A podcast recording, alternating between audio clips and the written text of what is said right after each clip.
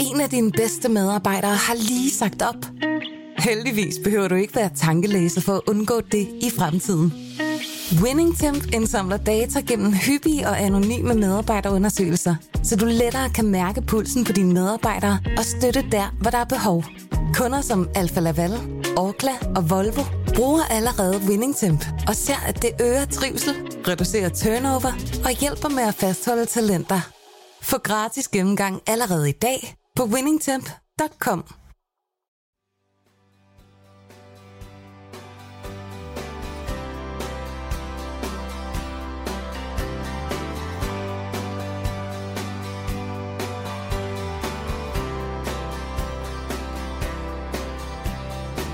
Chased her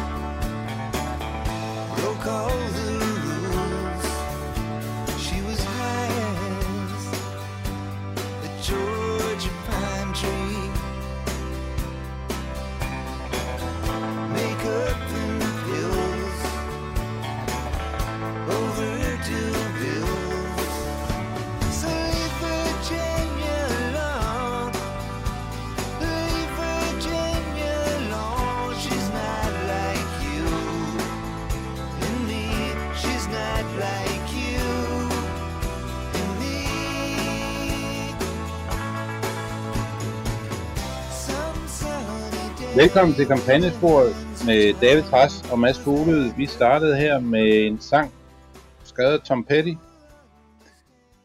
og indsunget af Rod Stewart i 95 om en delstat, vi kommer til at tale lidt om i dag, nemlig Virginia. Nej, Mads, Mads det, det, det her, Mads, kunne jeg da høre med min store øh, kunde inden for, inden for sangverden.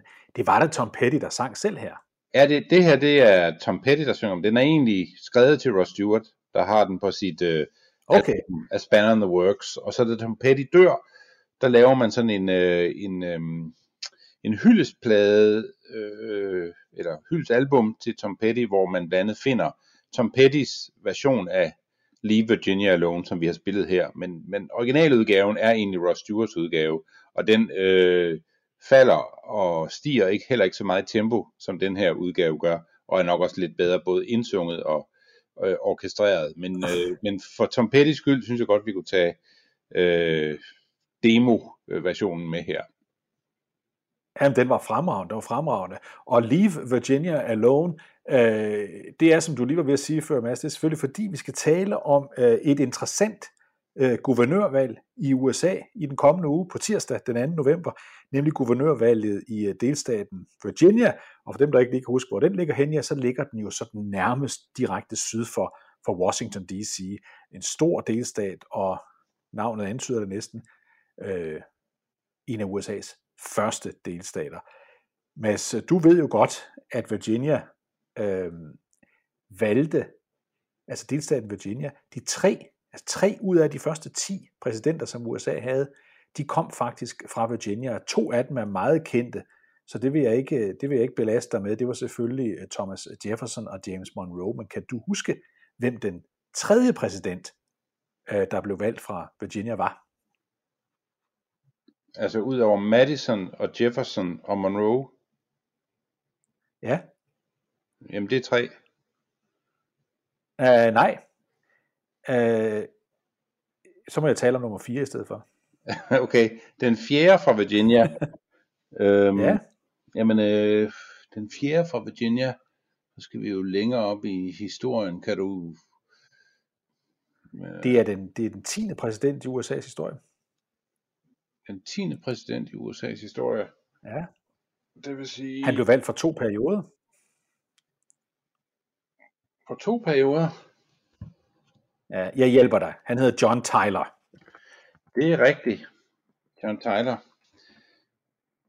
Ikke en stor præsident.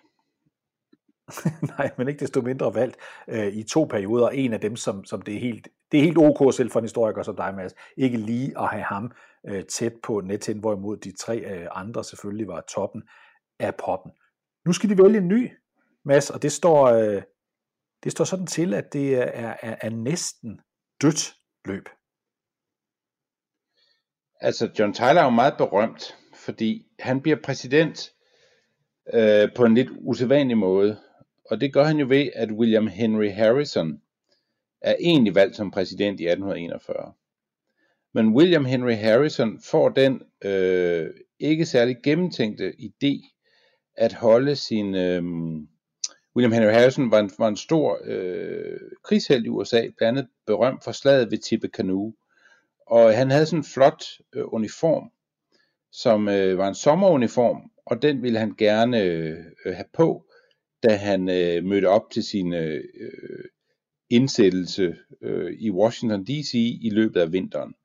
Og han stod udenfor, og det øh, gjorde han i slud, og holdt sin indsættelsestale i sommeruniform, blev syg og døde af sin sygdom, aldrig, efter aldrig rigtig at udrette andet som præsident, end at blive indsat som præsident, øh, William Henry Harrison. Og så bliver, øh, så bliver John Tyler så øh, USA's præsident i stedet for. Og den, på det tidspunkt, der er man ikke klar over, hvordan man skal forstå øhm, øh, præsident, vicepræsidentembedet. Betyder det, at når det er fordi det er første gang, det sker, at en, øh, en præsident dør, og man skal indsætte en vicepræsident. Betyder det, at vicepræsidenten skal være præsident for resten af den embedsperiode, som præsidenten egentlig er valgt til, og, og William Henry Harrison var jo valgt i 1841, og skulle derfor jo sidde frem til 1845, altså en embedsperiode. Han sidder ikke i to, som du siger, men, men, øh, men det er en fuld embedsperiode. Eller skal øh, vicepræsidenten kun sidde, indtil man har lavet et nyvalg? Det var man øh, meget, meget uenig om. Men Tyler, han synes sjovt nok selv, at han selvfølgelig var valgt, øh, eller, eller var, skulle udpeges, sådan at han skulle udfylde hele det mandat, som William Henry Harrison oprindeligt havde valgt. Og det var man ikke enig med nede i kongressen, og derfor kaldte man John Tyler for His Accidency, øh, i stedet for His Excellency, øh, i, i den situation. Og derfor er han gået over som præsident, som øh, indvarslede, at præsidentembedet blev utrolig svagt, fordi kongressen øh, fjernede ham aldrig som præsident. Øh, man tog aldrig den kamp om, hvad det vil sige at være vicepræsident, og vi fik så derfor den præcedens, at øh, vicepræsidenter sidder ikke bare indtil der er et, øh, et nyvalg, men vicepræsidenter sidder resten af embedsperioden, hvis præsidenten øh, falder bort. Men det der så sker er, at øh, kongressen tager fuldstændig over, øh, og øh, præsidenten bliver gjort til sådan en, en kransekagefigur, der fra dag af bare rejser rundt og, øh, og øh, øh, altså holder begravelsestaler og indviger øh, ting, der skal indvies, men laver ikke noget, noget, noget vigtigt. Og, og den, der ligesom leder det hele, er en senator, der hedder Henry Clay, men det er en helt anden historie. Som, som, så, så selvom John Tyler er præsident af navn fra 1841 til 1845, øh, så er det faktisk øh, Henry Clay, der sådan er det af gavn i den her øh, periode. Og grunden til, at jeg kom til at sige, at John Tyler sad i to perioder, og derfor forvirrede dig. Det var ikke med vilje, det var en fejl. Øh, det var fordi, han sad to øh, perioder som øh, senator valgt øh, i Virginia, men det er igen en helt anden historie. Og grunden til, for nu forvirringen skal være total, at, at, at der også var rod i mit spørgsmål til at starte med, øh, det var fordi, da jeg sagde, at, at, at, at tre af de første øh, 10 præsidenter USA havde haft, kom fra Virginia, så var det ikke kun det, jeg mente, jeg skulle have sagt. De var tidligere guvernører i Virginia, nemlig Jefferson, Monroe og Tyler, hvorimod James Madison, der bliver præsident, han faktisk ikke havde været guvernør før. Så er alt det rod omkring Virginias øh, tidlige historie øh, på Ja, plads. Ja, og hvorfor er det så, at alle kigger på Virginia? Det er jo det, vi skal, skal tale om i dag. Ja. Altså, hvorfor er det her guvernørvalg i Virginia så vigtigt? Og man kan sige, at det der skete med Virginia, Virginia var egentlig traditionelt en, øh, en rimelig sikker bastion for republikanerne. Men faktisk siden, at, øh, at, at øh, Obama vandt staten, der har man øh, i høj grad opfattet den som en stat, som man skal være øh, virkelig på duberne som republikaner for at vinde. Og republikanerne har meget svært ved at vinde den. Øh, men valget mellem de to guvernørkandidater her i 2021, som er sådan en, en, en, en, øh, en fra den gamle garde i demokratisk parti, som har også været tidligere guvernør, ham der hedder Terry McAuliffe, en, en, en, en Clinton-mand, øh, og en, der er meget tæt på Obama også, øh, mod en, øh, en ny republikaner, der hedder Glenn Youngkin, øh, som er sådan en forretningsmand. Øh, det valg ser Glenn Youngkin ud til at have rigtig gode muligheder for at vinde. Øh, og hvis, øh, hvis Youngkin øh, vinder i Virginia, så tror jeg mange vil tippe, at øh, Biden vil opleve et øh, blodbad øh, til midtvejsvalget. Øh, at det indvarsler, at det kan godt blive blodbad. Hvorimod hvis McAuliffe er i stand til at holde Virginia, så, øh, så, så står man med, øh, med, med, med, med visse muligheder for, at det ikke går så galt til, til midtvejsvalget. Og det betyder, at øh, alle de store kanoner er trukket op øh, omkring Virginia. og Jeg ved, at Obama har sagt, at han vil, øh, han vil, øh, vil, øh, vil være aktiv i, eller er aktiv i, i, i valget og, og, og for Vi har, vi har faktisk vi har faktisk allerede her øh, et, et klip, hvor, hvor, hvor Obama var i, øh, i Virginia forleden dag for at bakke op om, om Terry McAuliffe. Lad os lige prøve at høre øh, det lille øh, klip, vi har med, med, blandt, med Obama her. When you got somebody like Terry who's responsible and serious, he's worth fighting for. So you got to go out there and show the cynics that you're willing to knock on doors for Terry, to make the calls for Terry, to tell your friends and neighbors what's at stake. Ja, altså øh, præsident Obama, tidligere præsident Obama, han gik virkelig til dem, da han var der. Vi skal også fortælle, at, øh, at øh, selveste den nuværende præsident Joe Biden var også forbi forleden, der dog ikke til et lige så velbesøgt møde som det øh, Barack Obama øh, øh kom med. Målingerne, de siger sådan cirka 1% forspring til McAuliffe, for det har faktisk været sådan stabilt nu i et par måneder. Øh, 1%, og det vil sige, det er jo ingenting, øh, når der skal være valg, at man hele tiden holder sig inden for 1%. Det mærkværdige er dog, at, at det har holdt sådan to og en halv måned næsten fast på den her ene procents øh, forspring til, til, til, til McAuliffe over, over, over Youngkin. Men når de går ind i den her kamp, både Biden og øh, Obama, og hvem der ellers øh, kan kravle og gå i det, i det demokratiske parti, så er det selvfølgelig fordi, at Virginia øh, normalt er det, vi kalder en, en svingstat, og grunden til, at den har tippet lidt hen i retningen af demokraterne ved, ved senere valg, det er jo det faktum, at borgere fra Washington D.C., eller rettere sagt Washington D.C., er vokset sig så stor, at, at, at, at store dele af det sådan nordvestlige hjørne af Virginia faktisk næsten er en slags forlængelse af Washington D.C., der traditionelt er øh, meget øh, demokratisk. Det er det, der tipper øh, billedet i, øh, i, øh, i, Virginia, Mads.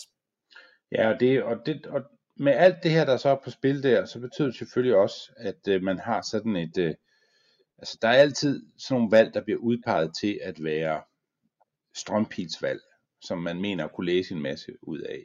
Og det, det trækker folk til, og det trækker donorer til, og det trækker mediernes interesse til. Og vi har her øh, sådan øh, to kandidater, som, som på mange måder er nogen, man kan, man kan læse alt muligt ud af, hvis man, hvis man har interesse i det. Og det er, det, det er simpelthen det, der er øh, der foregår nu i, i, i Virginia, at det handler om meget mere om, hvem der skal være guvernør i, øh, i Virginia.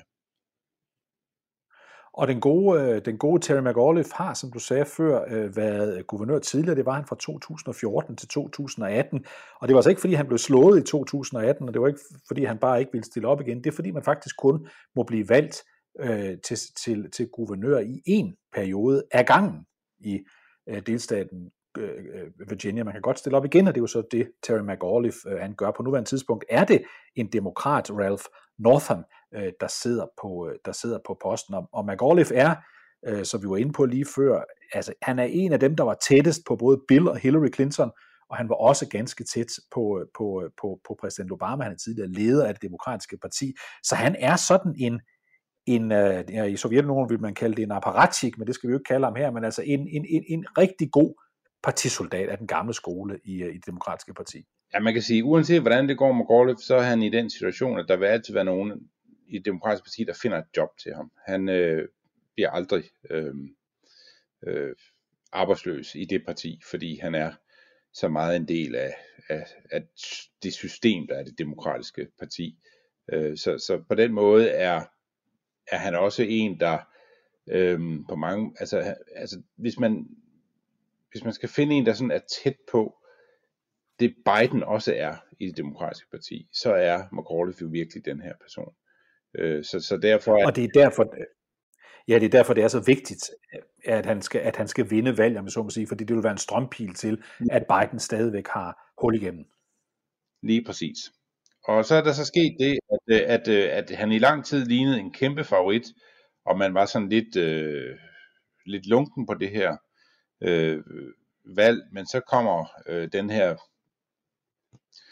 republikaner out of nowhere virkelig, øh, Glenn Allen øh, Youngkin, øh, en, en rimelig ung kandidat i starten af 50'erne, øh, og øh, er en, en rigtig, rigtig, øh, har vist sig som en rigtig, rigtig stærk kandidat, og ret hurtigt er det tydeligt, at, øh, at det her valg, det kan godt øh, blive tæt, og oven i det, så kommer så Bidens dyk i meningsmålingerne, og det dyk øh, gør, at øh, der er nogen, der simpelthen er bange for et demokratisk parti, at McAuliffe ender med at få tæv, og tæv på en sådan façon, at man skal ryste meget i bukserne frem mod midtvejsvalget. Og hvis man er i Virginia, det er meget nemt at være i Virginia, hvis man besøger Washington D.C., fordi man kører bare hen over broen, og så er man i Virginia, hvis man kører mod vest eller mod syd, så er man i Virginia. Virginia er karakteriseret ved øh, meget demokratisk i et, øh, i, i et par af de store byområder, øh, og der bor så mange mennesker der, det er når næsten halvdelen af, den, af befolkningen i Virginia, meget republikansk omvendt, når man kommer ud på landet. Og hvis man ser øh, eller hører den øh, valgvideo, som øh, Glenn Youngkin han selv har lagt ud her øh, forleden dag, så er det en valgvideo, hvor han netop viser øh, det Amerika, eller det Virginia, som er ude på landet. I, øh, i, i Virginia, altså uden for de største byer. Lad os prøve at høre hans, øh, hans, øh, hans valgreklame her.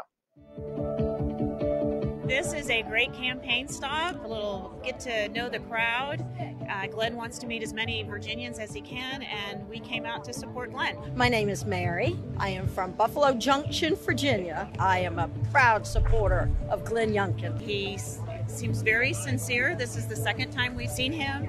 I think he will get things done. Man seems to stand for God, country, freedom. We have needed a change since Terry McAuliffe went into office the first time, so we definitely don't want him to go in the second time. We're really worried about the leadership of our country right now, and especially the leadership in Virginia. It's tearing us down. I would not open another business as long as Democrats are in lead in Virginia. Once Glenn takes over, I will be right back into business again. Glenn has a great position on business, on education, on taxing and our laws and getting our liberties and taking our freedom back. My name is Philip Wells, and I'm with Glenn. I'm Susan Merritt, and I am all in with Glenn Youngkin. My name is Mary, and I am for Glenn Youngkin. My name is Lynn, My name is Robert. and we're, We're with. Youngkin. alle dem, der optræder i den her valgvideo, kan høre, der er mange forskellige stemmer, det er øh, hvide mennesker, de er næsten også alle sammen sådan midaldrende, og så er halvdelen af dem repræsentanter for det, man kalder mom and pops shops i USA, altså sådan nogle små businesses, som mor og far, øh, eller et ægtepar, øh, typisk har sammen. Det ser så dramatisk anderledes ud, end når man kigger på en McAuliffe-reklame, øh, hvor det er næsten koreograferet efter at skal ligne en, øh, en Benetton-reklame. Men altså det her, det viser jo også en forskel i politisk stil og i forhold til, hvem man appellerer til. Ja, ja, de her partier, de taler til deres respektive baser. Øhm, Youngkin ved godt, at han skal vælges af, af, af hvide i Virginia, og hvide i, uden for de store byer i øh, Virginia. Han skal vælges i, i den sydlige del af Virginia, især den, øh, den øh, sydlige del på landet i øh, Virginia. Og omvendt så er McAuliffe jo klar over, at øh, hans vælgerkorp ser noget anderledes ud, og det gør hans valgvideo også derfor. Lad os lige prøve at se, øh, eller høre rettere sagt, en af de øh, typisk for amerikanske valgkampe, altså angrebsvideoer. Det her, det er fra McAuliffe-kampagnen, det er ikke direkte ham, øh, naturligvis, fordi det er det aldrig, når man laver de her negative valgvideoer, så får man altid nogle andre til at lave dem, men det her er selvfølgelig et budskab, som McAuliffe gerne vil høre. Det er altså frygten. Hvad vil der dog ske, hvis denne Youngkin, øh, han vinder? Lad os prøve at høre ham. Let's recap. Glenn Youngkin's main focus in the final days of this election he's trying to ban books, silence black voices, making anti Semitic remarks, and announcing his opposition to marriage equality. We had four years of Donald Trump's divisive agenda in Virginia. We don't need four more. do all of the things that we want a governor to do. Ja, det her handler altså om, at hvis man stemmer på Youngkin, så får man Trump tilbage. Bare i Virginia i stedet for. Så den division, den splittelse, der var, mens, mens Trump han var øh, præsident, siger demokraterne her, den vil komme til Virginia, hvis Youngkin han bliver valgt. Og så siger de helt konkret, at øh, det, som han går ind for, øh, Jonkin, Youngkin, det er at forbyde, altså indføre en form for censur over for visse bøger skrevet af sorte forfattere i, i skolerne i Virginia. Det er også en, en, en modstand mod, at, at homoseksuelle Øh, øh, kan blive gift, for eksempel i, i delstaten Virginia. Det er en skræmmekampagne, der kører her, øh, men det er jo ikke en skræmmekampagne helt uden hold i virkeligheden, for det er jo rigtigt nok, at der føres i Virginia en diskussion lige nu om, hvorvidt øh, den berømte amerikanske sorte forfatter Toni Morrisons mesterværk Beloved, der handler om, om, om, om en, en familie lige tiden efter, efter borgerkrigen i USA, en sort familie, om den skal være en del af et af, af, af skolernes øh, curriculum eller ej. Og den slags diskussioner foregår jo masse øh, overalt i USA, og nu kan vi så se den føres også her øh, i valgkampen i, i Virginia. Men der, hvor man ligesom har taget Jonkin ind i det, det er, at Jonkin er imod, at man skal undervise det, der hedder Critical Race Theory øh, i, øh, i skolerne. Øh, og, øh, og, og det opfatter man som, at han øh, går ind for at begrænse ytringsfriheden, fordi de, der så går ind for Critical Race Theory, ikke kan få lov til at ytre sig. Øh, øh og her skal man lige gøre opmærksom på, at Critical Race Theory er jo øh, en, en, en måde at se øh, USA på, hvor man siger, at, øh, at, øh, at, øh, at der findes sådan en, nogle strukturelle øh, en strukturel racisme i USA, at hvide er, øh, selvom de ikke ved det, så er de alle sammen øh, fødte øh, racisme, racister kvad deres hudfarve og så videre. Øh, og øh, meget kritisk raceteori øh, er noget, man også vil være, altså det har man ikke i danske skoler, kan jeg bare sige som et, som et eksempel. Så, så, øh, så det er en, en debat, vi nok ikke kommer til at høre det sidste til i øh, USA, og vi kommer til først til at høre noget til den, når den en dag finder vej til danske kyster.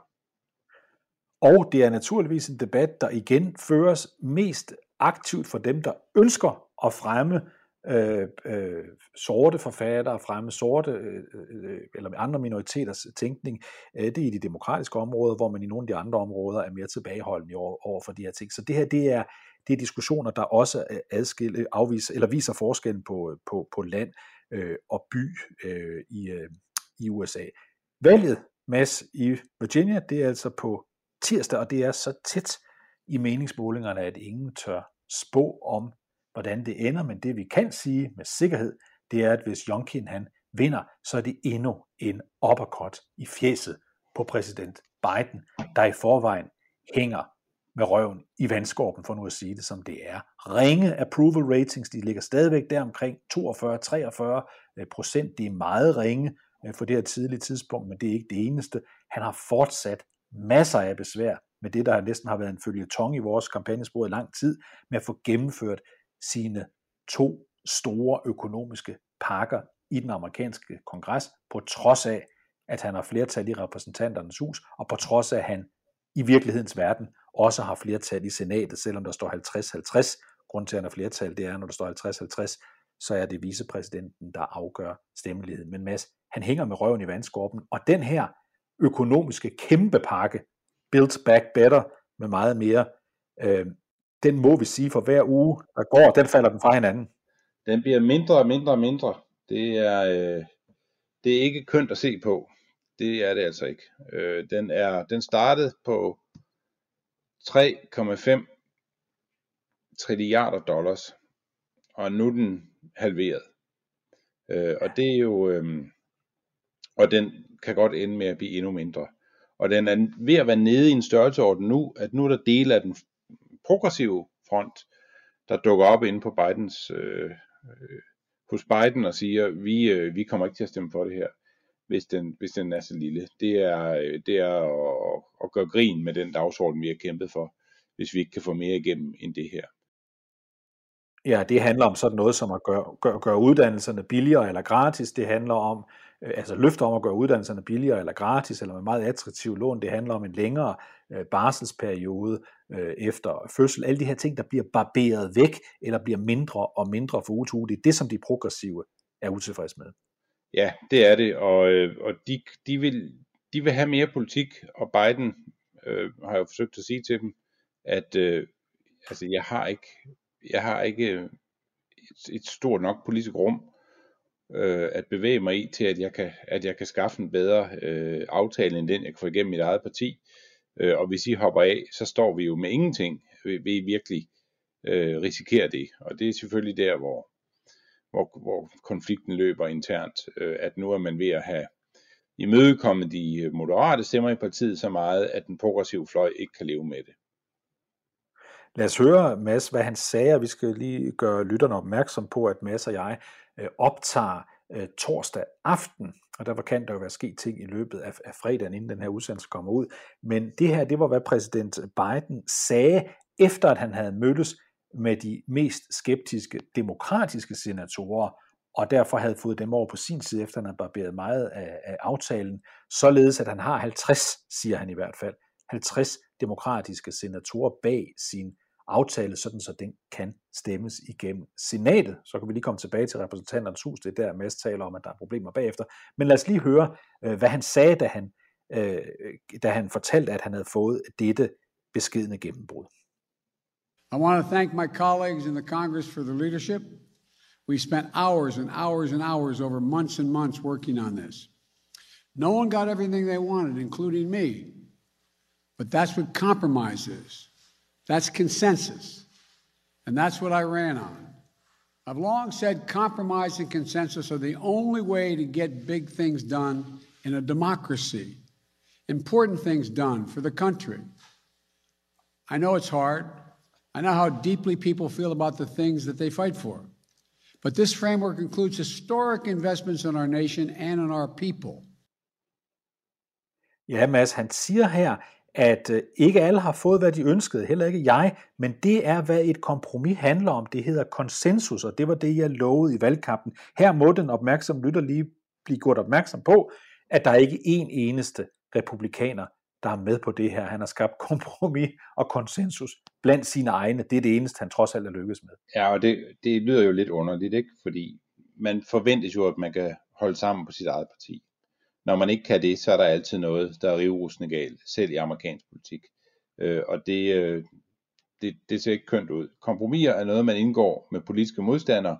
Kompromiser er sjældent noget, det er nødvendigt at indgå med, med sine egne, i hvert fald ikke i så stort et omfang, at man ikke, at man, at man holder lovgivning, øh, at man har lovgivning, der hænger og, og svæver i luften, som vi har oplevet her i, i, i, i rigtig, rigtig lang tid. Og det har jo været et langt forløb, hvor øh, man tidligt meldte noget meget, meget ambitiøst ud, øh, og, og var parat til at virkelig, virkelig bruge mange penge. Jeg skal lige gøre opmærksom på, at selv de 3,5 trilliarder var jo et, et, et, et, en, en nedskrevet vision i forhold til det, man havde ønsket sig op, oprindeligt.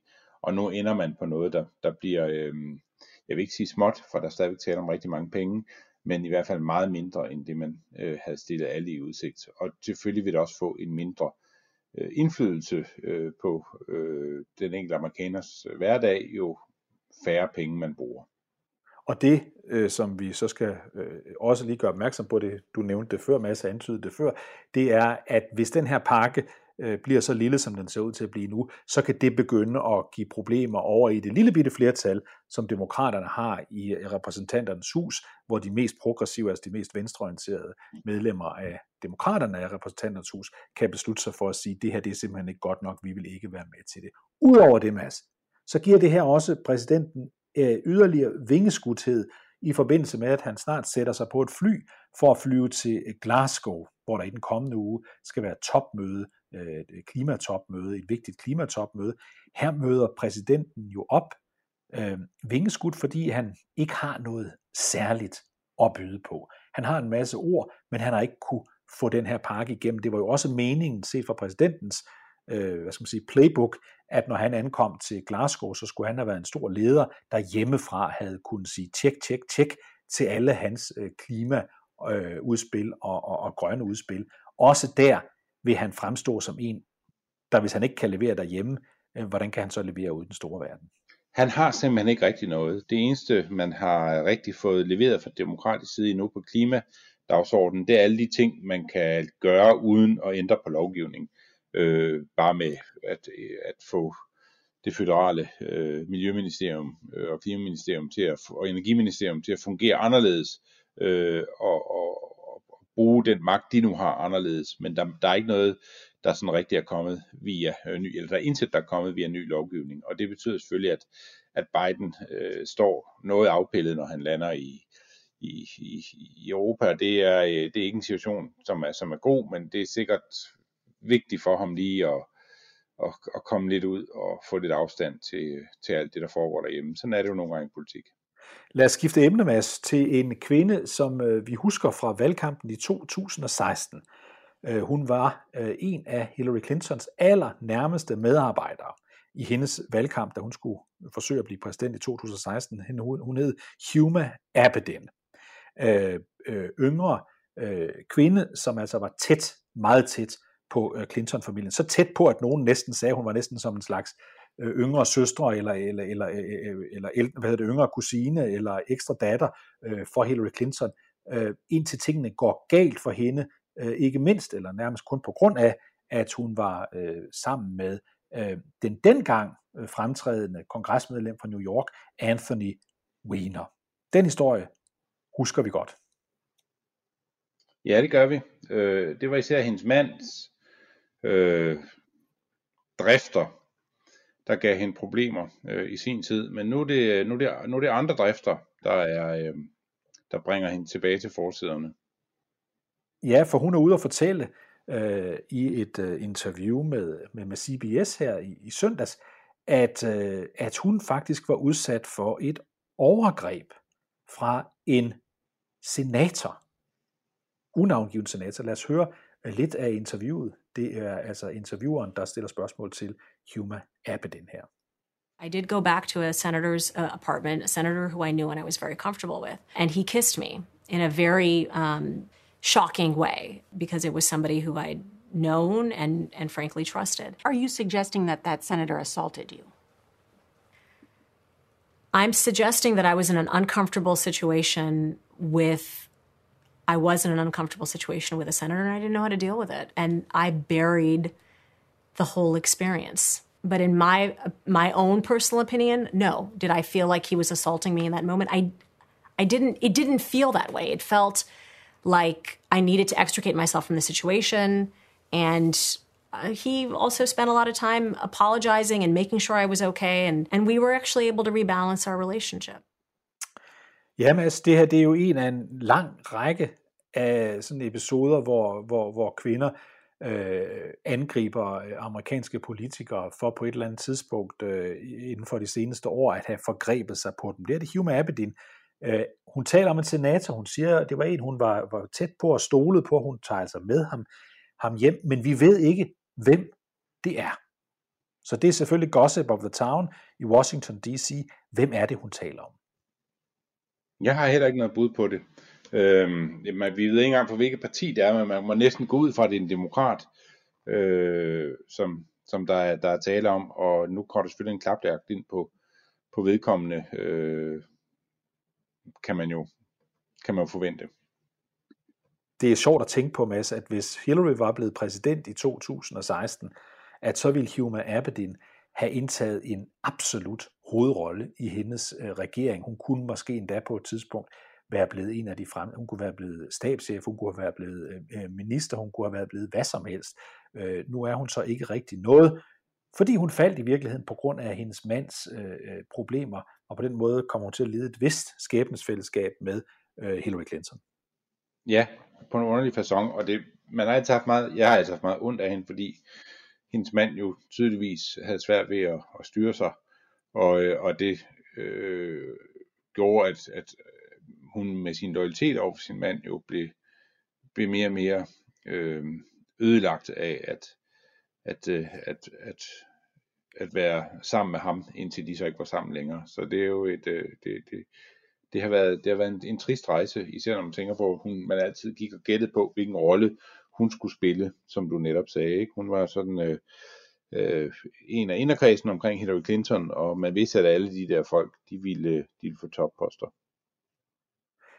Lad os lige slutte af med en. Det er lidt tid siden, vi har haft øh, på tapetet sidst, men en af vores øh, yndlings tilbagevendende øh, politikere i kongressen, nemlig Marjorie Taylor Greene, den i 2018 nyvalgte republikanske kongresmedlem, som altid er ude og sige udsagn, som er, kan vi bare roligt sige, de er ikke middle of the road, det er ikke sådan noget, alle går og siger, men her kommer hun med en, en, en pointe om den amerikanske uafhængighedserklæring, som jeg synes, du skal høre godt efter, Mads, øh, og, og høre, om du kan se øh, sammenhængen. Det er altså Marjorie Taylor Greene, der taler om stormløbet på kongressen den 6. januar. January 6th was just a riot at the Capitol. And if you think about what our Declaration of Independence says, it says to overthrow tyrants. Ja, det siger den jo, Mads. Det står jo i uafhængighedserklæringen, at, at, man, at der, der taler man om, at man skal kunne, øh, at man skal kunne fjerne tyranner. Det står ikke bare der. Det står jo også, apropos vores tidligere snak om Virginia. Virginias, på Virginias flag står der Sig Semper Tyrannis. Altså sådan går det tyranner, og så er der et billede af en tyran, der har fået skåret hovedet af på flaget. Det er en meget drabelig flag. Så det er jo en del af amerikansk selvforståelse, at når man har tyranner, så øh, gør man det af med dem. Øh, det er, det er en, en, en øh, det, det siger jo lidt om USA's øh, meget øh, sådan øh, voldsomme start på det at være en selvstændig øh, nation. Og den har hun jo rigtig godt fat i, den, den, den, den, den kvikke republikanske kvinde her. Og vi må formode, at hun tænker på, at det var fordi kongressen var i færd med at indsætte i den i hendes øjne illegitime præsident øh, øh Joe Biden, fordi du havde stemmeoptællingen, der var i gang. Der er det jo derfor, at, at det skulle stoppes øh, i tide. Ja, der var en, de var ved at køre tyrannen ind, ikke? og så gør hun opmærksom på, at så stod der lige nogle frihedskæmper derude, der var parat til at lave om på det. Skal vi ikke bare sige tak for denne gang, Mads, og sige, at vi er glade for, at vi har Marjorie Taylor Greene til at sætte uh, historiens store perspektiv Det er helt i en større historisk kontekst. Jo, jeg vil også sige tak for nu. Vi har jo store uh, makuleringsdag her i Venstre. Vi har sådan en, en, en dag om måneden, hvor vi makulerer alt, vi har skrevet ned på papir, sletter sms'er og, uh, og hvis vi går og husker for meget, så får vi også tilbudt et vidt snit, så det skal jeg tilbage til. Så øhm, tak for det. Skynd dig at komme i gang med det. Mads Fugle og David Træs og producer Andreas siger tak for denne uge, og vi er tilbage i næste uge. En af dine bedste medarbejdere har lige sagt op. Heldigvis behøver du ikke være tankelæser for at undgå det i fremtiden. WinningTemp indsamler data gennem hyppige og anonyme medarbejderundersøgelser, så du lettere kan mærke pulsen på dine medarbejdere og støtte der, hvor der er behov. Kunder som Alfa Laval, Orkla og Volvo bruger allerede WinningTemp og ser, at det øger trivsel, reducerer turnover og hjælper med at fastholde talenter. Få gratis gennemgang allerede i dag på winningtemp.com.